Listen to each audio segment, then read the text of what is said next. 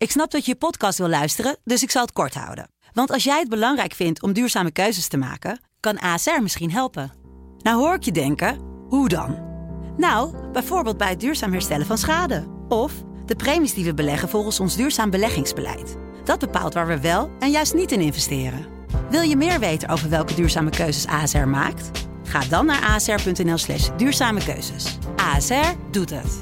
Zo, dan kan je nu lekker naar je podcast luisteren. Hoe, hoe krijg je het verzonnen? Dat soort LOE, Management Taal 101, naar deze puinhoop. Dit is de politieke podcast van De Telegraaf. En ik keek die zaal rond en iedereen keek echt strak naar zijn bureau. Dat was ook weer zo gênant. Afhameren met Wouter de Winter en Kamran Oela. Hier op vrijdagochtend 18 november weer in de studio. Ik zit er eh, natuurlijk, eh, want Pim die is in Qatar. Vorige week werd nog even de suggestie geweest dat we misschien een verbinding met hem zouden Ja. leggen. Wouter de Winter, goedemorgen ook. Maar eh, toch maar niet hè. Hij is helemaal gefocust op de arbeidsmigranten daar en de containerwoningen, et cetera. Ja, dat zegt hij wel. Maar ik denk eigenlijk dat hij gewoon zijn Aladdin-ambities eindelijk in, in, in werkelijkheid aan het brengen is. Maar goed, dat zij hem gegund. Nee hoor, hij, hij werkt hard daar in, in Qatar. En dat bleek gewoon logistiek niet mogelijk. Dus ik ben heel blij dat jij eh, Ja, mij kan vergezellen. Met, eh, met, met veel plezier. En het, is, eh, het kan zijn dat Pim over twee weken weer terug is. Het is een beetje afhankelijk van de prestaties hè, van het Nederlands elftal. eh. Ja, ja. Het, het is een beetje zoals eh, ook afhankelijk is of nog Rutte of Willem-Alexander nog die kant op gaan. Eh, Nee, precies, ja. ja. Voorlopig is het eh, Connie Helder, dus die zal Pim dan ook wel tegen het lijf lopen, uh, langzamerhand. Uh, Hoewel, ik denk dat ze uh, maandag, misschien zondag vliegt of zo, met het regeringstoestel. Oh ja, wat een... Want oh, oh, oh, wat was dat ook weer ingewikkeld. Want Kaag wilde ook nog op reis en het kon allemaal weer niet. Dan blazen ze de reis maar af, want ze kan niet met een gecharterd vliegtuig, want dat is dan weer niet goed voor het imago. En nou ja, het zal allemaal wel. Maar um, Connie Helder gaat in ieder geval zeker naar Qatar, dat weten we wel. Yes, nou dat, uh, dat gaan we ongetwijfeld dan weer terugzien in de video's uh, van Pim. Het leek een iets rustigere week na al die uh, hele vurige weken die er hier geweest zijn. En tegelijkertijd hebben genoeg te bespreken. Het VVD-congres, er was natuurlijk weer het hoofdstuk Bergkamp Ariep weer een, mm -hmm. een, een, een, nieuw hoofdstuk.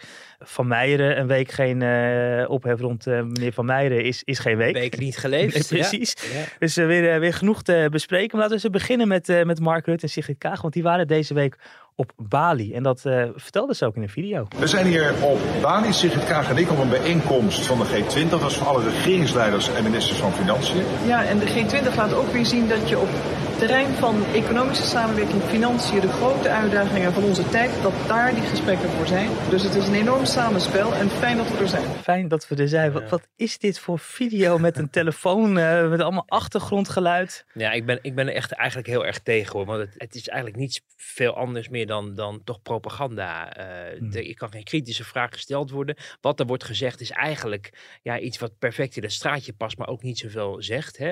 Een prima gelegenheid om in het samenspel van. Het, is, het, het klinkt heel gedragen, maar het, is het, het stelt eigenlijk niet zoveel voor. En het is denk ik steeds meer bedoeld, dit soort filmpjes, ook als een soort legitimatie. Van ja, wij zijn wel de hele tijd de wereld aan het overreizen, maar we zijn ook nog wel ergens uh, mee bezig. Is sowieso denk ik langzamerhand wel wat uh, vragen te stellen over de frequentie van al die bezoeken mm. en ook de enorme hoeveelheid bewindspersonen die meegaat. Hè. We mm. hebben, uh, er is tegenwoordig elke week wel ergens een belangrijke top. Soms zijn er ook twee tegelijk. Nu hadden we dus de, de G20 in Indonesië, tegelijkertijd dan die klimaattop in Egypte. men pendelt daar dus ook tussen, met vliegtuigen uiteraard. Maar we hebben eerder ook al, omdat Indonesië nu voorzitter is van die G20, zijn al vaker bewindspersonen die kant op gegaan. En Sigrid Kaag zelf ook. Dus al dat belangrijke samenspel is kennelijk iets wat met enkele regelmaat, enige regelmaat moet plaatsvinden. Maar daar gaan ook soms twee tegelijk hè, naar hetzelfde oord. Nou, de premier en, en de minister van Financiën, als het gaat om financiële dingen, dat is nog tot daar aan toe. Maar ik zag niet zo lang geleden ook de minister uh, voor Klimaat naast de staatssecretaris van infrastructuur zitten. Volgens mij was het ook in Indonesië dat je wel dacht, kon niet, kon niet het mapje voor Vivianne Heijnen gewoon in de koffer van Rob Jetten gestopt exact. worden.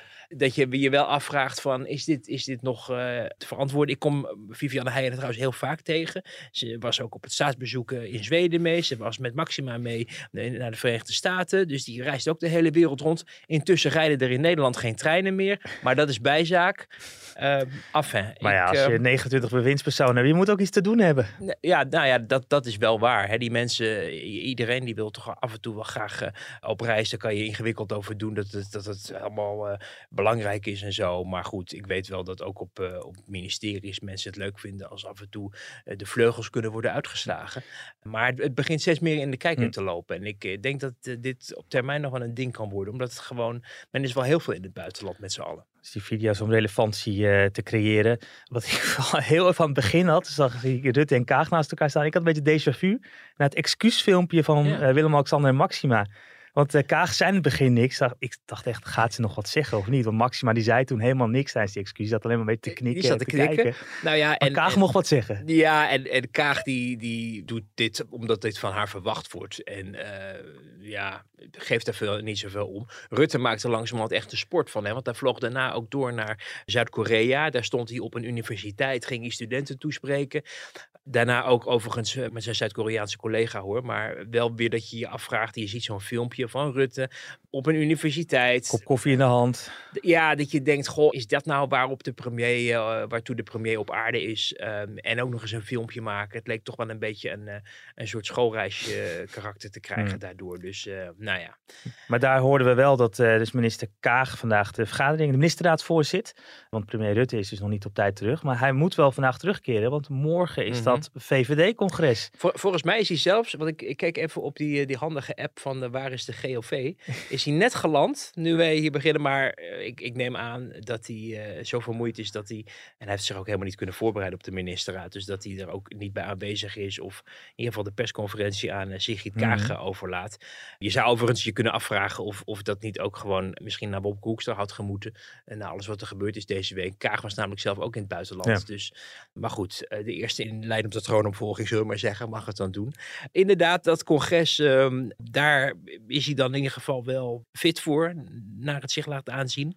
Interessant daarbij, hè, het congres gaat natuurlijk, los van de gebruikelijke zaken die er, plichtplegingen die er gedaan moeten worden, over ja, waar gaat de VVD nu naartoe rond mhm. migratiebeleid. Hè? De fractie heeft hem ontboden uh, vorige week om uh, aan te horen dat ze toch wel echt wel vinden dat er echt iets aan de instroom gedaan moet worden. En daarvoor moest hij pootjes komen geven in de fractie. En, nou, de, de verwachting is dat Rutte daar ook wel een statement over zal maken. Daarom ook helemaal niet toevallig dat zijn toespraak aan het begin van het congres is. Het wordt er min of meer mee geopend. Dat betekent dus dat... Want vorige keer met het, hè, toen was dat congres en toen speelde de stikstofdiscussie. Uh, En toen was het, uh, was het helemaal aan het einde van dat congres. Dus dat, geloof ik was de zaal al leeg, want er was al zoveel ophef. Uh, mensen waren aan het napraten en ja. Rutte... En toen moest er Sophie Hermans ook nog komen en vertellen over dat zij Sophie Hermans was en van spinazie à la crème hield. of juist niet. Daar wil ik vanaf zijn. maar nee, maar, maar inderdaad, men heeft kennelijk hoop dat Rutte iets kan zeggen wat de gemoederen enigszins tot bedaren brengt. Omdat je uh, bij ons in de krant, maar ook in andere uh, mm-hmm. media kritiek hoort vanuit de partij. Eigenlijk voor het eerst in jaren, waar de, de congressen eigenlijk festivals waren de afgelopen jaren, waar vooral het gezellig moest zijn en, en suikerspinnen en bitterballen werden gegeten. Heeft men nu iets de behoefte aan toch een wat fundamentelere discussie eh, te voeren. Komt natuurlijk ook voort, want het is politiek, aan het feit dat men vreest dat, uh, ook kijkend naar de peilingen, de tijd van de Mark Rutte-hegemonie wellicht ten einde loopt. En dat men nu zelf eens in de benen moet komen om voor de zetels te zorgen. En dat betekent dat er een nervositeit eh, ontstaat en dat men met elkaar mm, ja, toch wel ook duidelijk probeert te maken dat de smoel, uh, dat men weer wat, wat kleur op de wangen ja. uh, moet, moet krijgen. Dus aan het begin van zo'n congres, zo'n zo'n toespraak door Rutte. Hij is daar het beste in van de politici in Nederland, denk ik. Toespraken houden, ook uit zijn hoofd. Dat doet hij op, altijd op een hele goede manier. De verwachtingen zijn wel hoog gespannen bij die partij. Ik weet niet of ze ook zo hoog gespannen uitpakken. Want Rutte, we kennen hem. Hij is niet voor niks de hele wereld aan het rondvliegen. Vindt dat onze, ons land nu in, ja, als onderdeel ook van de NAVO, maar en van het Europese continent en vanwege de oorlog in Oekraïne, dat er zo'n permanente crisissfeer hangt, ook rond de politiek, dat het nu geen tijd is om uh, een kabinet te laten vallen. Mm. En de veronderstelling is dat het daarop uit kan draaien als de VVD de poot stijf houdt en zegt wij willen die instroom beperken, want anders uh, trekken we de stekker eruit. Ja. Rutte is daar gevoelsmatig heel erg tegen, ook als historicus, voelt de verantwoordelijkheid historisch ook over het conflict en de gevaren die het voor onze vrijheid, voor onze veiligheid met zich mee kan brengen. Dus dat zijn twee conflicterende elementen waarvan ik heel benieuwd ben hoe Rutte die samen samen weet te smelten in zijn verhaal morgen. Want uh, vorige week, uh, dat is ook in de, in de podcast hier uitgebreid besproken, wist hij uiteindelijk na een pittig gesprek, uh, ze, suggereerde de fractie dat hij in ieder geval genoeg input had gegeven, dat hij ideeën heeft over hoe die migratie te beperken. Tot nu toe houdt hij zich voor zich, hè. het zit in zijn hoofd. Je schreef er deze week ook in je column over. Ja. Verwacht je dat hij daar dan morgen wel iets van gaat tonen? Of houdt hij het nog even in zijn hoofd? Ja, nou, het is een beetje een dooddoener. Hè? Want hij heeft het hmm. een paar jaar geleden ook bij ons in het, in het kerstinterview gezegd. Toen, ging het, toen was er nog sprake van dat de Schengenzone in gevaar zou zijn. En er was dan met Macron, de president van Frankrijk, in overleg van hoe kan je in Europa iets doen, aan, ook aan de buitengrenzen en het bewaken daarvan. We zochten toen heel erg aan, aansluiting bij de Fransen, want die hadden vanwege hun ligging natuurlijk daarmee te maken. Ook met, met wat er met Calais gebeurt, maar ook uh, aan de Middellandse Zee. Uh, terwijl de Duitsers meer op een ander spoor zaten. Ook toen onder Merkel nog. Dus we hadden toen min of meer, zochten we ja, bondgenootschap met Frankrijk. Daarna weinig meer van gehoord inderdaad. Covid kwam natuurlijk toen de hoek omkijken. Wat ik een beetje verwacht is dat hij wel, misschien omdat hij ook in het vliegtuig met Kaag heeft gezeten op weg naar eh, Indonesië. Wat toch ook met een tussenlanding in, in India ook een uh, uurtje of 14, 15 duurt. Dat je dan ook met elkaar het gesprek kan aangaan van, goh, waar zitten we nou als coalitie nu? Wat zijn nog de uitdagingen die er zijn? Hoe ingewikkeld is het op stikstof? Hoe gaat het met D66? Namelijk in de peilingen ook niet zo goed. Mhm. Dus die partij zal langzaam maar zeker ook in de benen moeten komen om die linkse kiezer voor zich te winnen. Want ja, PvdA en GroenLinks doen dit niet fantastisch, maar krabbelen paar zeteltjes erbij op in de peilingen. Dus ook D66 heeft behoefte aan smoel. Nou, dan is zo'n vliegreis met z'n tweeën opgesloten zitten de uitgelezen kans om met elkaar ook het gesprek aan te gaan van mijn partij vindt dit heel belangrijk. Wat vindt jouw partij heel belangrijk? Kunnen we elkaar daar vinden? En dan is Kaag wel iemand die, en dat hebben we ook in de formatie toen gezien, op een gegeven moment de knoop doorhakt van we gaan het zo doen. We, hebben geen, we gaan niet meer over links, we gaan het met de ChristenUnie weer doen. Daarbij haar eigen partij min of meer voor ook. Die mogelijkheid is er dus ook. Hè, dat dat uh, de afgelopen dagen in, in dat vliegtuig Rutte ook wel heeft gezegd van uh, uiteindelijk moeten we hier wel iets mee doen. En dat zij daar ook wel in het belang en misschien ook eigen belang, omdat zij ook een agenda heeft, mm. daar tot een, een, een, vergelijk kan komen met, met Rutte. Dus als wij concrete dingen horen morgen, zou het mij niet verbazen dat die al min of meer in de week zijn gelegd ook bij Kaag. Ja. De luisteraar is gewend dat er dan zo'n zijpad komt hè, voordat we weer doorgaan. Dat doet, dat doet Pim. Dus laat ik dat ook maar even doen. Want je zei net even uh, PvdA en GroenLinks in die peiling. Ik zag alweer dat in die peiling waar Wilders de grootste was, ja. zag ik al geloof ik een GroenLinks-Kamerlid. Halleluja, PvdA, uh, eh, GroenLinks samen de grootste nu. Nou ja, ja, ja er wordt gemakshalve gedacht van als we die, die zetels bij elkaar optellen, dan heb je de nieuwe partij. Maar daar is ook zelfs in de PvdA ook wel twijfel over mhm. of dat wel zo is. Want er zullen ook PvdA'ers afhaken en ook GroenLinks zagen we op een van die bijeenkomsten. Die zeiden, ik wil eigenlijk helemaal niet met de PvdA, want dat is een hele andere partij. Weet je, het is bijna gemakzuchtig om het bij elkaar op te tellen. We weten niet of, of dat gaat gebeuren. Ik kan me heel goed voorstellen dat er op moment dat er echt sprake is van een fusiepartij. En zover is het overigens nog lang niet. Want men is ook ideologisch nog best wel aan het verkennen of dat allemaal wel, wel gaat werken. Laat staan dat je hè, gezamenlijk de Eerste Kamerlijsten kan vormgeven. Uh, maar goed, nog even los van of dat voor elkaar komt, is het de vraag of dat nieuwe elan wat er uit zo'n partij zou moeten blijken ook wel komt. Heb je een leider voor nodig die dat dan doet? Ja, willen PvdA zich door Jesse Klaver laten leiden? Ik ken er een paar die dat zeker niet willen. Staat er ook eentje bij ons in de krant elke vrijdag. Die dat volgens mij een gruwel uh, lijkt. Als ik dat de column van vandaag las. Ronald Plasterk. Omgekeerd is dat natuurlijk ook het geval.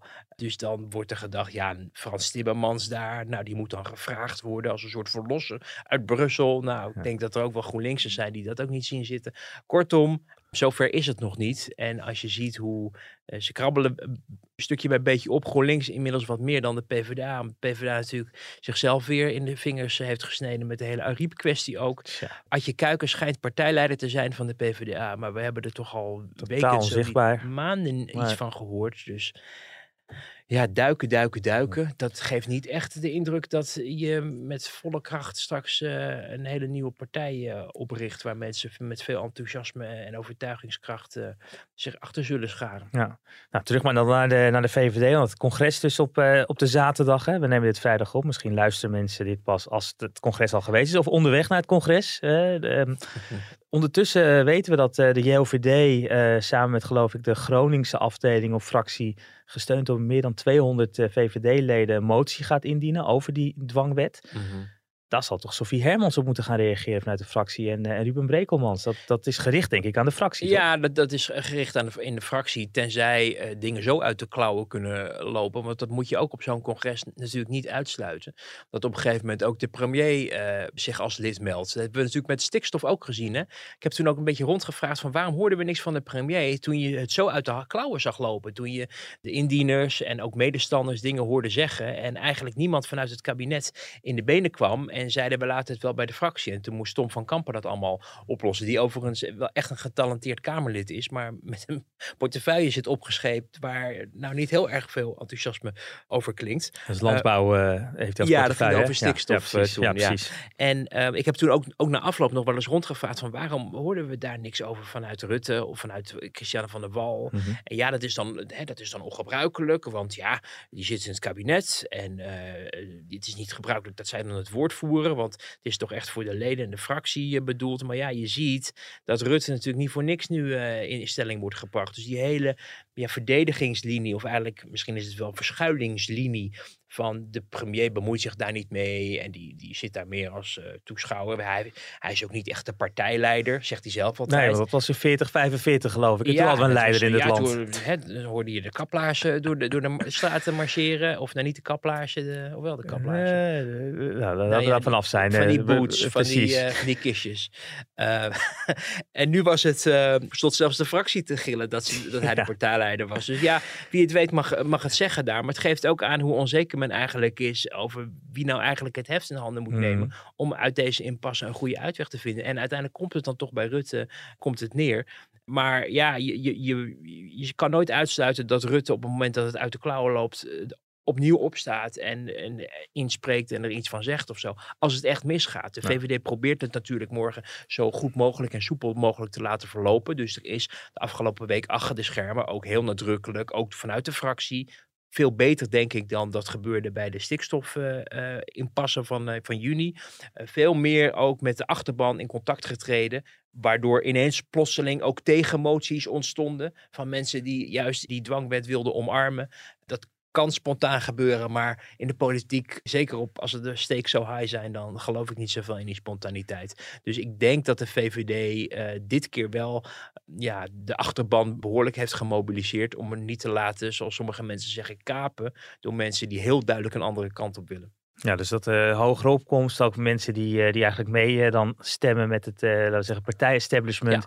Waardoor morgen, want uiteindelijk wordt zo'n motie dan in stemming gebracht. Maar waardoor dan, eh, dat hoopt die partijtop dan, Ja. nou, dat ze gewoon op de lijn van de fractie zitten. Dus die dwangwet, Juist. die komt er gewoon door.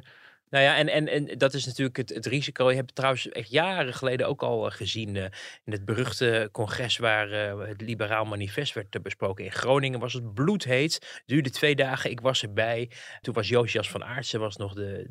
Nou, ja, niet de partijleider. Nee, dat mocht niet. Daar was toen ook een motie over van, van mag hij zich wel leider noemen? En toen mocht hij zich aanvoerder noemen, weet je. Dat getrut toen al.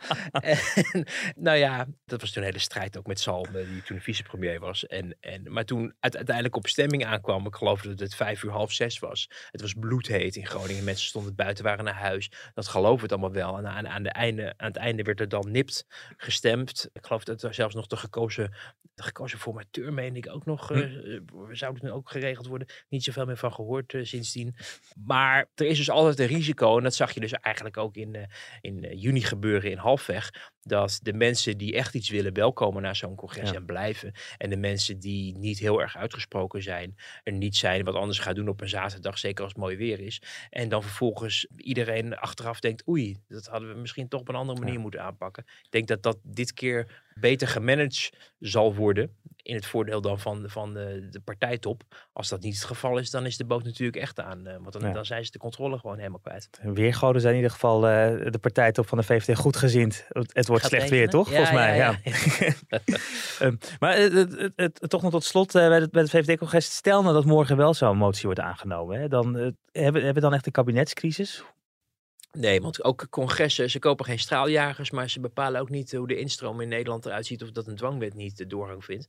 Dat is uiteindelijk toch eh, hè, voorbehouden aan de fractie. Dat zag je ook rond stikstof gebeuren. Hè. Er werd eigenlijk een beetje de schouders van opgehaald van ja, we gaan gewoon door. We gaan het gesprek wel aan. Nou ja, Overigens ook daarover, hè, we zijn nog, nog steeds niets opgeschoten. Christiane van der Wal zit wel bij College Tour, om de voorbeeldige minister uit te hangen, maar ze heeft nog niets bereikt. Nog helemaal niets. En, en dat zie je, zou nu eigenlijk rond deze tijd ook het vervolg komen op de reactie op Remkes. Hè. Dat we toch wat inhoudelijkere landbouwbeschouwing, maar eh, daar is het wachten ook nog op. Kortom, dat schiet niet erg op. Congressen ja, die kopen geen straaljagers en dus ook geen, Mhm. eh, geen dwangwetten eh, die zou kunnen, kunnen afwijzen. Maar als jij je congres eh, keer op keer bruskeert en ja, dat doet wel wat met zo'n partij. Dan Daar- kan de partij wel echt verscheuren, zegt ja, echt die dan twee kampen. echt onrust. Dus er is de partijtop veel aangelegen om, om de kikkers in, zoveel mogelijk in de kruiwagen te houden.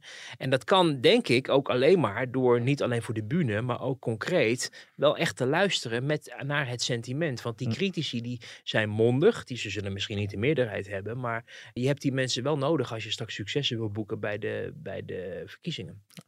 Meestal zien we de bewindspersonen zo keurig op een rijtje op de eerste rij eh, zitten. Dat zijn er steeds meer. Dus ook bij VVD zie je, Ja. zie je dat het eh, rijtje langer wordt. Eh, iemand die daar ook zal zitten waarschijnlijk is de minister van Justitie eh, en Veiligheid, Dylan Jesselgus. En eh, ja, die gaat met een heel ander gevoel deze week, denk ik, die kant op. Want die heeft een debat gevoerd met eh, meneer Van Meijeren. Ja, dat, dat, dat, dat, was wel grappig. Ze, hij is natuurlijk weer een, ja, het is op zich natuurlijk heel treurig, maar er is een motie van wantrouwen tegen haar ingediend. Mhm. Gisteren bij de justitiebegroting. En Martin Bosma, PVV-ondervoorzitter, zat voor. En nou, een motie van wantrouwen. We gaan er volgende week over stemmen, mevrouw, mevrouw Jezielgus of mevrouw de minister. Dus dat wordt een spannend weekend voor u. Wink, wink. Ja, precies. Want nou ja, die, die motie gaat natuurlijk geen meerderheid krijgen.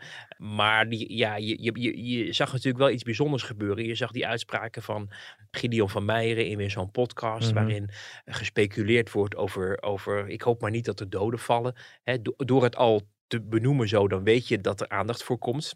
Maar hij wilde een vreedzaam protest, bedoelde hij. Ja, vrees, vre- ja maar het, het is het speculeren daarop vanuit Ja. de volksvertegenwoordiger eh, is natuurlijk heel, het is eigenlijk heel, heel, heel verdrietig. Hè? Want een volksvertegenwoordiger, zeker van een partij die de grootste was met de statenverkiezingen van 3,5 jaar geleden. eh, en het ook best goed heeft gedaan nog met de Kamerverkiezingen. Acht zetels is echt niet, is echt niet niks eh, natuurlijk. En ehm, die het eigenlijk allemaal uit hun handen hebben laten vallen. Hè? Dus niet meer via de parlementaire weg eh, eh, hun, hun, hun macht en invloed kunnen gebruiken of willen gebruiken om de koers van Nederland bij te stellen. Maar vooral denken dat het management by speech is, door ophef te veroorzaken, door podcast te delen naar waar niemand ooit van heeft gehoord, totdat daar ineens iets, iets schokkends wordt gezegd. Daar vervolgens iedereen overheen valt. Weer aandacht genereert en op die manier, nou ja, zich weer in de kijker weet te spelen. En ook zal de boeken verkopen en alle andere financiële avonturen die ze in, in, in, bij, bij Forum hebben ondernomen, geen windeieren leggen. Maar dan al die politici die over elkaar heen buitelen om schande te spreken. Mhm. En daar viel gewoon van op dat, ja, omdat het er zoveel zijn en zoveel prominenten vanuit het kabinet, Rutte was al onderweg en namens hem werd er getwitterd, terwijl hij in het regeringsvliegtuig naar, naar Indonesië zat, eh, hoe erg het allemaal wel niet was. Kaag natuurlijk, wij zijn met meer, of we zijn met velen. Mhm. Eh, en de minister van Justitie, die zegt, ja, het OM gaat er eigenlijk over, maar ehm, ja, ik vind het allemaal niet kunnen. En ik vind het dit van, ik vind het dat van. En nu is het natuurlijk, hè, ik ken het Dylan als iemand die eh, uitgesproken is. Dat is misschien ook wel verfrissend, hè? geen grijze muis als minister. Maar af en toe vraag ik me wel eens af of zij zich voldoende realiseert welke functie zij nou eigenlijk Mhm. heeft. Zij is namelijk nu, ze is niet de staatssecretaris van infrastructuur of van koningsrijksrelaties. Ze is de minister van Justitie. En als je als minister gaat lopen twitteren over wat jij allemaal vindt van wat Kamerleden al dan niet voor verwerpelijks of strafbaar de wereld inslingeren, dan kan dat ook in de rechtszaal uiteindelijk worden opgevat als sturing vanuit het kabinet. Dat hebben we eerder gezien in de rechtszaak met Wilders. Toen is er heel lang, ook door de advocaten van Wilders, gezegd: de minister van Justitie heeft zich ermee bemoeid. Ja. En die heeft daardoor zijn duim op de weegschaal gelegd. En daardoor is het OM gaan vervolgen. Dat is dus gewoon risky. En als je weet dat dat in het verleden is gebeurd, dan zou een minister van Justitie, vind ik, een stap terug moeten zetten. Daar van alles van vinden. Maar het echt, juist omdat het zo gevoelig is, juist omdat het over een, een andere politicus gaat. En je weet welke rel er is geweest rond het proces Wilders. Wat jaren geduurd heeft en wat ook echt afbreuk heeft gedaan. Niet alleen aan, aan, aan Wilders, maar ook aan het vertrouwen van mensen in de rechtsstaat. Talkshows waarin hosts het hadden over politieke processen. Mhm. Dus dat, dat, dat gevoel, dat, dat leefde. best wel bij, bij een aantal mensen. Eh, en dan zou ik zeggen, pas daar nou mee op. Ik zag al laatst ook met een Ajax-shirt in de meldkamer bij Ajax PSV of Ajax Feyenoord Ajax. PSV. Ja, ja, jij bent daar gelukkig voetballiefhebber.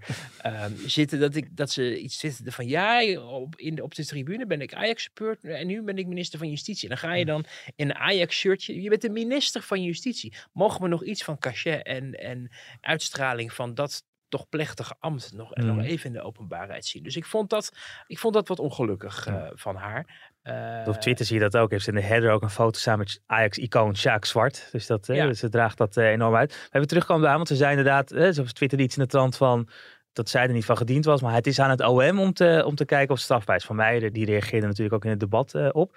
En wat opviel, eh, we, we hebben ook een, een klein fragmentje van wat opviel in het debat ook, dat ze ook het debat aanging als minister. Hè? Dus dan Mhm. kwam ook op die rol. Eh, laten we eens even luisteren wat ze, wat ze zei tegen Van Meijer. Wat ik oprecht niet begrijp van de heer Van Meijeren. Ik heb er echt over nagedacht, ik snap het niet. Nou zeg je dingen. Je suggereert dingen, je hint op dingen, een paar hondenfluitjes hier en daar. Waarom er dan niet voor staan? Snap ik gewoon niet.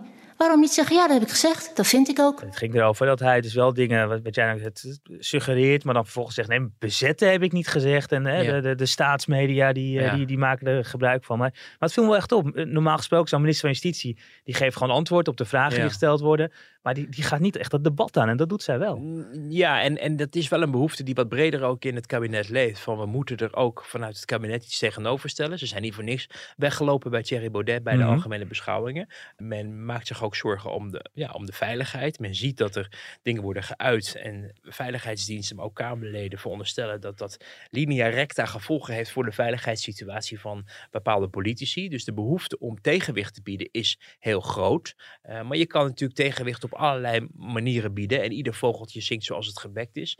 Ik denk twitteren over wat je er allemaal van vindt. En dan zeggen, oh, het OM gaat er eigenlijk over. Vind ik, vind ik niet zo handig. Als het gaat om dit, ja, ben ik iets geneigd iets milder te zijn. Hm. Dat ik denk van, nou ja, je mag ook wel een keer uh, er iets tegenover zeggen. Als je urenlang in een debat zit waarin ook dit soort dingen je maar voor de voeten worden geworpen. Dus daar, daar, dat vind ik nog wel onderdeel van het Hm. debat. Maar het heeft wel een risico uh, met zich dat, het, dat ook de niveaus min of meer gelijk worden gestaat. Waar er dus niet een soort kabinet wat, wat wil niet zeggen boven de partijen staat, maar wel namens iedereen moet regeren. Ook al is het opgebouwd aan de vers uit verschillende politieke partijen met een bepaalde kleur. Het is wel de regering van het land. Hè? Mhm. en, en als die um, politieke partijen eruit gaan pikken in een, in een debat en, en daar een soort hele confrontatie mee aangaan, dan doet dat ook wel een beetje afbreuk aan het gezag daarvan. Uh, maar je ziet dat ook die ministers zich op een gegeven moment niet meer kunnen beheersen. Je zag Hugo de Jonge de stoel draaien richting, de richting was Baudet of Papij van Houwelingen of nou ja, die hele kliek. Uh, misschien uh, Gideon van Meijeren ook. Omdat hij ook een statement wilde geven. Je ziet Rutte een paar keer. Hè, doe eens normaal man, doe ja. zelf normaal. Meneer Wilders pik ik uit. Dus je ziet dat dat een trend is die al langer gaande is. Men hoopt op deze manier tegenwicht te bieden. En dat is denk ik in ieder geval een ja, meer verkiesbare route. Door dat in de, de debatzaal van de Tweede Kamer te doen. Dan dat je met elkaar in de achterkamertjes gaat besluiten om politieke partijen te verbieden. Ja. Want dat is natuurlijk een discussie die deze week door D66 werd aangezwengeld. We vinden democratie zo belangrijk dat je die dus ook uh, moet kunnen beschermen. En het gekke is eigenlijk dat we in Nederland een heel duidelijke wet hebben. En die zegt als je een organisatie bent, bijvoorbeeld een motorbende. Als je echt de democratische rechtsstaat ontwricht, mm -hmm. dus aan het wankelen brengt. Of als je de nationale veiligheid in gevaar brengt dan kan je als organisatie verboden worden. Alleen uh, praktisch gezien geldt die wet niet voor politieke partijen. Daar is een uitzondering voor gemaakt. We zien nu dat politieke partijen in staat zijn om de samenleving te veranderen. Ja, want dat, hè, Jan Paternotte die, uh, die wil die wet wijzigen. Want je kan op dit moment geen politieke partijen verbieden. Je kan wel bepaalde verenigingen verbieden als, ja. die, als, als, als dat niet uh, volgens de wet is. Maar politieke partijen kan niet. In het verleden is dat debat ook gaan over de pedo-partij bijvoorbeeld. Hè? Ja. Want uh, mag je die wel of niet verbieden? Ja. De liberale partij die, die, die voor een verbod gaat pleiten nou ja, in de democratie. Heel bijzonder natuurlijk. Hè? Democraten 66, uh, ooit opgericht om, uh, om ja, toch progressief en, en de vrijheid van meningsuiting hoog eh, in het vaandel. En nu uh, onwelgevallige meningen, uh, hoe verwerpelijk ze ook kunnen zijn, proberen in, in de politiek, politieke partijen te verbieden. Zonder dat er eigenlijk een strafbaar feit is gepleegd. Mm -hmm. hè? Mhm. Want laten we wel wezen, dat is natuurlijk uiteindelijk waar de, de basis die, die er moet zijn. Als mensen over de scheef gaan in hun vrijheid van meningsuiting, dan is daar justitie voor om mensen daarvoor te bestraffen. Dat is ook gebeurd bij, bij Wilders. Hè? Daar heeft de rechter van gemeend dat, dat, dat hij over de scheef is gegaan.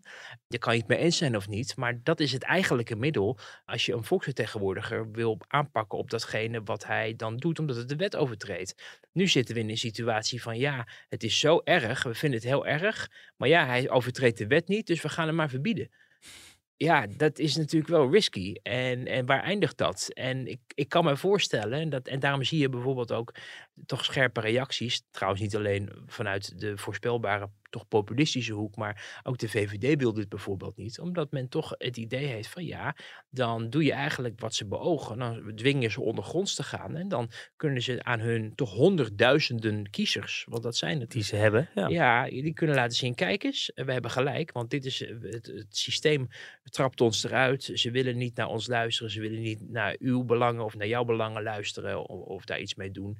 En dat zal op de lange termijn wel eens een veel groter risico uh, kunnen vormen ook voor de veiligheid van veel mensen. En zo'n partij als de PVV, die natuurlijk ook al eh, vrij stevig waren toen Baudet onlangs en de bestraft werd, hè, omdat hij niet eh, zijn nevenfuncties had opgegeven, daar echt principiële bezwaren tegen hebben, omdat zij denken, ja, de volgende keer zijn wij aan de beurt. Mm. Want dan ontstaat er een Kamermeerderheid die dan heeft besloten dat iedere politieke partij een ledenpartij moet zijn. En ja, we hebben, ze hebben de meerderheid, dus ja, die kunnen dat dan ook bij de PVV afdwingen. Dus je ziet dat, dat, dat Wilders, Koemsoeis, eh, maar ook andere partijen aan die kant denken, ja, uiteindelijk kunnen wij in een minderheid geraken op het moment dat men om politieke redenen probeert ons aan te pakken. Dus het is heel kwetsbaar. En ik, ik denk ook, ik had toevallig daar van de week een, een kleine discussie ook over met Alexander Pechtold. Eh, toen, die bij, toen alle twee bij Jinek zaten op maandag. Toen ging het al heel snel over Amerika ook. Want ja, in Amerika zie je ook dat het helemaal uit de hand loopt. Maar ja, in Amerika heeft uiteindelijk die hele ja, QAnon-beweging en, en election deniers het uiteindelijk toch verloren van het gezond verstand van mhm. mensen. Dus de vraag is, is ook onze democratie niet, niet sterk genoeg ook om dit om hier tegenwicht tegen te bieden. En laten we wel wezen, en dat hoorde ik de afgelopen week ook uit verschillende hoeken in de Tweede Kamer, ook bij partijen die wat dichterbij, sowieso qua plek al wat dichter bij Baudet zitten dan bijvoorbeeld de SP of GroenLinks of, of de PvdA. Als je kijkt naar waar iedereen zit in de Tweede Kamer. Dat men zegt van uh, pas op de plaats maken en niet uh, hier al te ver uh, mee doorschieten. Want het systeem werkt. Ze hebben vijf zetels, dat zijn er vijf. Maar dat zijn er geen 25. En toch hebben we het elke week eh, over een partij in de veronderstelling alsof ze de dienst uitmaken in het land. En dat is niet zo. Nee, en dat uh, krijgen ze dan toch elke keer weer voor elkaar. Maar dan uh, toch, hoe verklaar je dan D66 met zo'n voorstel, Jan Patenot als fractievoorzitter met zo'n voorstel om die wet te wijzigen? Is dat omdat ze, het gewoon niet lukt om, om, om weerstand te bieden tegen zo'n forum, om, om, om ze te bestrijden in het debat? Of is het omdat ze denken, ja, dit ligt gewoon goed bij die eigen achterban? Ik denk dat, dat je het antwoord zelf wel geeft in, in het laatste antwoord. Het is, een, het is en blijft natuurlijk een politieke arena. We weten uit het verleden dat er, nou ja, die tegenpolen, vroeger Wilders, Pechtold, deed alle tweede partijen heel goed. De mensen die met Wilders sympathiseerden en die Pechtold niet leuk vonden, beschaarden zich Wilders. De mensen die Wilders niet mochten, die dachten Pechtold is eigenlijk de enige die echt tegen hem op durfde boksen. Ik denk dat het ook heeft meegeholpen aan het herstel van D66. Hè. Drie zetels toen Pechtold in de Kamer kwam. Uh, inmiddels zijn het er 24 mm uh, geworden.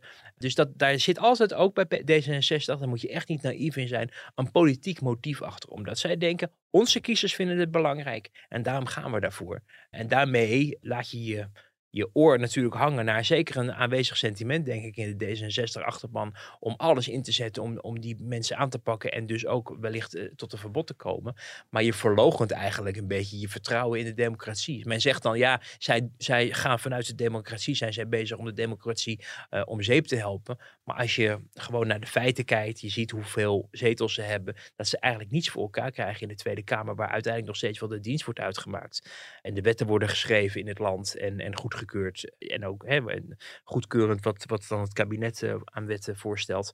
ja, je, je, kan afvragen van ben je nu niet ehm, met een paardenmiddel bezig Hmm. om iets te bestrijden wat wellicht serieus is, maar wat ook op andere manieren kan. Bijvoorbeeld met het woord in de Tweede Kamer of als mensen de wet overtreden via justitie.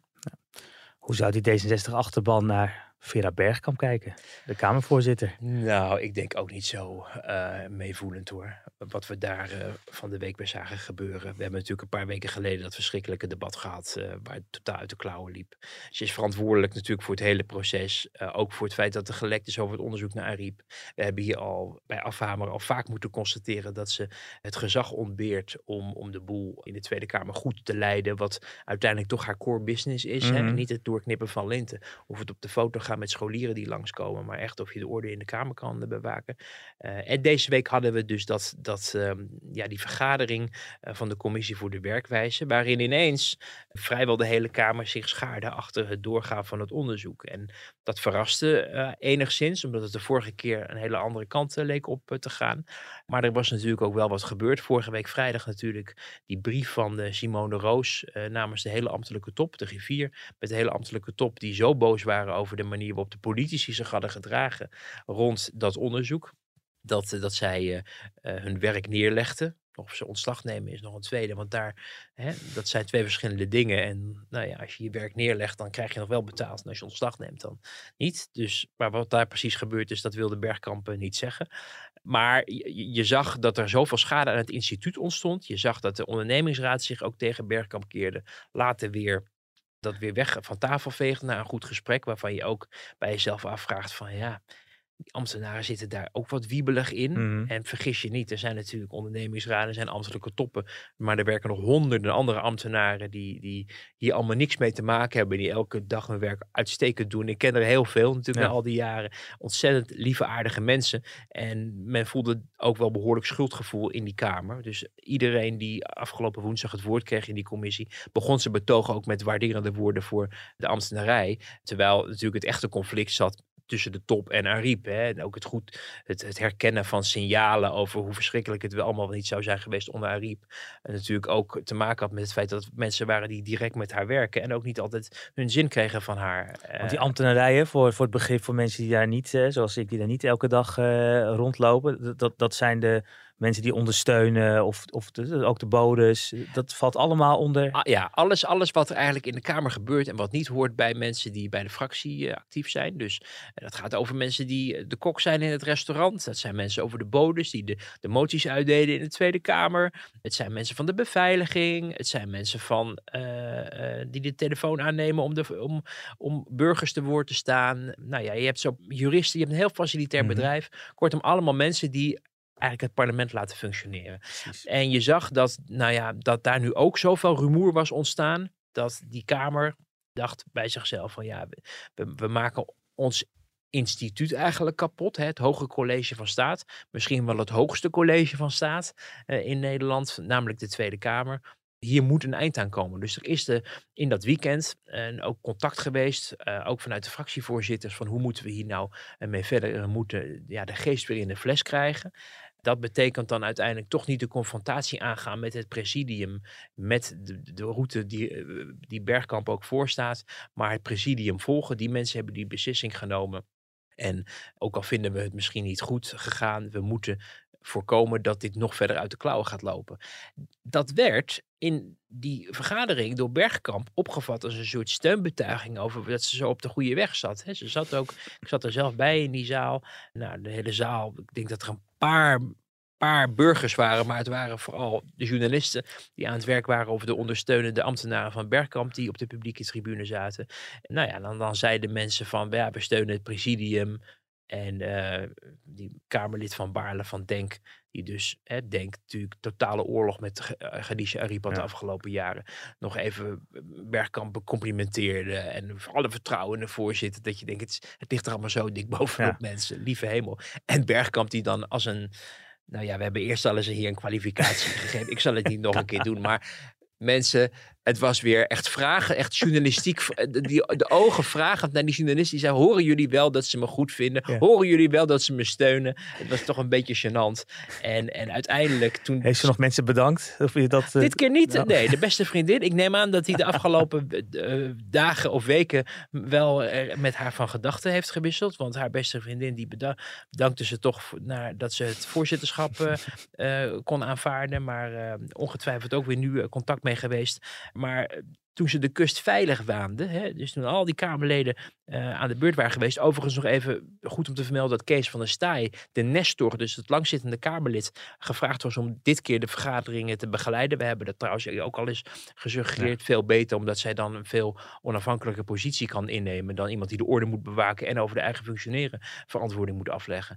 Uh, maar Kees van der Staaij deed dat feilloos, met humor, maar ook strak hij begon niet bij de grootste druktemakers van de vorige keer, maar begon aan de andere kant met Kamerleden waarvan hij al van tevoren wist dat wordt geen chaos mee. Nou, en als je die allemaal aan, eerst aan het woord laat en dan pas bij Gidi Markenso en Renske Leijten, ik geloof ons zat nog wel ergens tussendoor, die gaan zich toch een beetje dan aanpassen aan die toon die die anderen hebben, denk ik. Of, ja, nou ja, dan, dan, dan zie je ineens dat zij niet meer, uh, ik wil niet zeggen de orde bepalen, maar het hardste en het zwaarste klinken, omdat er ook nog allerlei andere geluiden eerst doen. Dus hij deed dat gewoon heel erg goed. Maar goed, eh, Bergkamp hoorde dat allemaal aan van oké, iedereen die gaat het onderzoek steunen, of bijna iedereen, het PVV niet. Uh, want ja, dit is maar wat er moet gebeuren en uh, we moeten de klachten van de medewerkers, ook al zijn ze anoniem, serieus nemen. En toen waanden ze zich de, de kust veilig en toen, nou ja, was er een verhaal van ja, ik denk dat we hier sterker uit gaan komen. Dat je denkt, hoe, hoe, hoe, hoe, krijg je het verzonnen? Dat soort LOE, Management Taal 101, na, na deze puinhoop sterker uitkomen. Niemand komt hier sterker uit. Eh, dat werd ook gememoreerd in het debat. Iedereen is hier eigenlijk slechter van geworden. Dus je komt hier helemaal niet sterker uit. Maar dat ze dus aan het einde ook zei van eh, ja, nee. En was, was naar gevraagd, doet u wel eens een zelfreflectie? Goeie vraag. Um, ja, nee, uh, ik, dus dat ging ze wel doen. Was er nog niet naartoe gekomen. Ik denk, nou, toch best wel aanleiding toe geweest wellicht. En zei, ja, ik ben een reflectief persoon. Nou ja, wat dat nou weer is, weet ik ook niet. Maar, maar dat was ook weer zo gênant. En dan keek ik, dat is zo mooi als je in zo'n zaal zit. En dan kan je ze dus, anders dan dat je op televisie zit te kijken, zie je maar één iemand. Maar nu zag je die hele zaal. En ik zei, ik ben een reflectief persoon. En ik keek die zaal rond. En ik zag die, denk ik, 17 Kamerleden zitten daar. En iedereen kreeg echt strak, camera iedereen kreeg strak naar zijn bureau. Of naar zijn telefoon. Maar niet in lach te schieten. Nou, nie, niemand die, die, die, die überhaupt eraan keek. Dat zegt natuurlijk ook wel wat, hè, als iemand een verhaal houdt. Ja. Eén iemand, Renske Leijten, die, die zuchtte heel hard. en met haar vele anderen, ook in gedachten en ook in die kamer. Want iedereen zag van dit is, dit is, hoe krijg je het je mond uit, echt. Dit was niet bedoeld om haar te steunen, om Bergkamp te steunen. Want dat werd her en der ook nog gecontroleerd van, hè, van ze, ze, zij ontvangt steun. Nee, de Kamer ontvangt steun. De hmm. Kamer heeft de Kamer gered. Dat is wat er afgelopen woensdag gebeurde. Wel mooi dat eindelijk de Kamer dat misschien ook inziet. Hè. We hebben natuurlijk, eh, wat is het, in mei hier dat grote onderzoek gehad hè, onder, uh, onder een breedte uh, Nederlands publiek. En dan bleek 77% zei, ja. die Haagse politiek is alleen maar met zichzelf bezig. En de afgelopen weken, maanden, heb je hebt het hier ook vaak gezegd in je columns ook geschreven, het werd alleen maar meer en meer. Ja. Ja, nee zeker. Dus men heeft wat dat betreft wel, ik denk wel verstandig eh, gedaan. Alleen uh, wat je wel ook nog weer eh, hoorde gisteren. Ik heb weer een rondje gemaakt in de Kamer, ook, ook bij fractievoorzitters. En dan uh, hoor je ook wel van ja, maar het probleem Bergkamp is hiermee niet opgelost. Nee. want dit, we hebben nu gezien dat ze het niet kan. Um, er komen nieuwe incidenten, er komen nieuwe debatten, er komen nieuwe provocaties. er gaan dingen gebeuren waardoor weer die vraag op tafel komt te liggen. En uh, um, ja, maar goed, de Kamer heeft uiteindelijk wel Bergkamp zelf op die plek neergezet. Zelfs zal ze er niet de brui aan geven. In ieder geval niet op dit moment. Theoretisch zou het wel kunnen zijn dat op een gegeven moment dat uh, het feiten onderzoek af is. Maar ja, het is een feitenonderzoek. Hè, dus er zal wellicht niet echt worden gezegd van uh, zij hebben het verkeerd gedaan. Maar in het feitenonderzoek moet ook naar boven komen wat er is gebeurd met signalen in de tijd dat Ariep nog op de troon zat. Mm -hmm. En Bergkamp onderdeel was van het presidium ja. en zelfs over het personeelsbeleid ging. Fancy that. Dus Um, daar zouden feiten naar boven kunnen komen dat er niks is gebeurd met die klachten. En dan wordt het voor haar, voor haar natuurlijk alsnog ingewikkeld.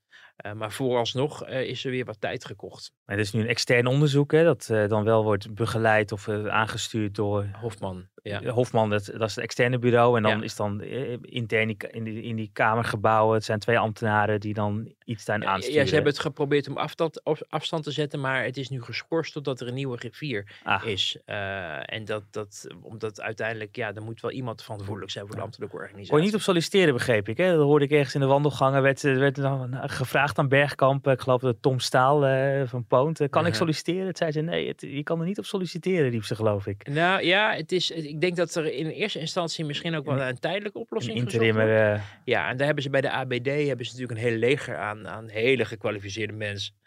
alge- algemene bestuursdienst is dat. Hè? Allemaal ambtenaren Zij die kwam- op topfuncties Daar zitten. kwam deze griffier trouwens ook vandaan, eh, zag ik. Eh, maar maar er zi- zitten een heleboel mensen daar op werk te wachten. Dus daar kunnen ze ongetwijfeld iemand uitpikken. En dan, volgens mij, is er voor een nieuwe griffier altijd wel een sollicitatieronde. Want dat was voor deze volgens mij ook. Maar het zal Eh, nu dus een interimmer waarschijnlijk dat is worden. En dan is dat, vermoeden, eh, ja. Ja, het is, Johan Remke zit er niet tussen, want die, heeft, die is vrij geloof ik. Die heeft geen klusje meer op dit Nee, moment. Johan Remkes, ja, die kan beter op die andere stoel zitten Oh, naast de griffier, denk ik. Want dan weet je zeker dat de orde bewaakt Nou, we hebben deze week toch gezien, hè? Je noemt, we noemen in deze podcast al twee mensen. We hebben Kees van der Staaij gezien in een voorzittersrol. En Martin Bosma eh, in Ja. een voorzittersrol. Ja, Ja. Kees van der Staaij hebben we contact mee gezocht. Die wil het echt niet. Nee, even een kleine fractie Kleine ook. Hè? Dan is het ook ingewikkeld. Ja, en ik denk dan nog, ja, maar voor Nederland. Maar, maar je merkt dat daar zit veel weerstand. Dus die wil dat, die wil dat eh, echt niet doen. Die wil ook kennelijk zijn partij niet eh adieu zeggen. Want dat moet je dan in feite wel doen. Dan moet je ook Mhm. een opvolger hebben. Dus dat, dat, eh, dat, dat gaat hem niet, niet worden. Hij zou, hij, zou het zo, hij zou zo worden gekozen, denk ik, als je verkiesbaar zou stellen. Eh, en dan, dan, ja, Martin Bosma deed dat Ja. toch wel weer heel erg leuk. Eh, eh, ook weer deze week. Maar vanwege het feit dat die PVV'er is, weet je dat daar Mhm. mensen zijn, partijen die dat absoluut niet zien zitten. Eh, niet eens zo omdat die de vergadering niet goed zit, maar dan komt dat andere aspect weer op de hoek kijken, namelijk de representatieve functie. En mensen vinden dat ingewikkeld in de Kamer, merkt hij. Dus dat, dat, is, ja, ja, dat is voor hem heel, heel lastig en misschien ook wel verdrietig, want hij houdt niet op met te twitteren om te laten zien hoe leuk mensen hem vinden. Ja. Dus dat vind ik dan ook wel weer schattig. Ehm, eh, eh, we komen zo langzamerhand bij het einde van, eh, van deze podcast, eh, van deze politieke week. Wel, Al, al dingen die komende week. Nou, natuurlijk dat VVD-congres op zaterdag, hebben we uitgebreid over gehad. Maar staan er verder nog spannende zaken komende week al op de agenda die we weten? Nou ja, de- dat stikstof komt, moet, daar moet langzamerhand wel eens ooit eens wat gaan gebeuren daar. Eh, hè? Dat, is, dat duurt allemaal wel erg lang. En er is volgens mij nog, nog, nog geen, eh, eh, geen boer uitgekocht. Eh, er is nog geen lijst afgeleverd van de piekbelasters.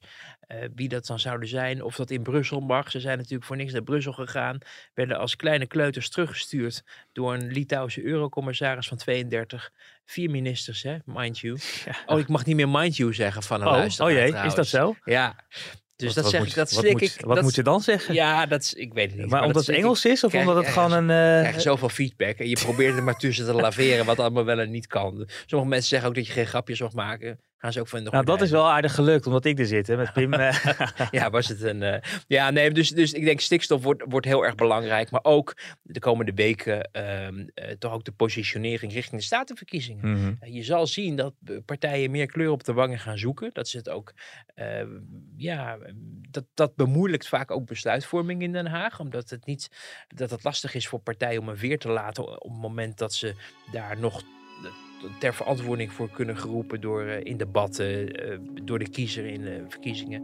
Dus dat, dan heb je het al heel snel weer over, over maart voordat dingen echt eh, van start kunnen gaan. Maar goed, stikstof moet echt eerder. Dus ik denk dat dat de komende weken eh, ja, wel weer heel erg eh, belangrijk gaat worden. We gaan het zien. We zijn er hoe dan ook volgende week weer. Wouter, dankjewel. En eh, even nog kijken wie dan op deze stoel zit en hoe we dat gaan doen. Maar we zijn er sowieso, luisteraar. Zo is dat. Tot dan. Dank voor het luisteren.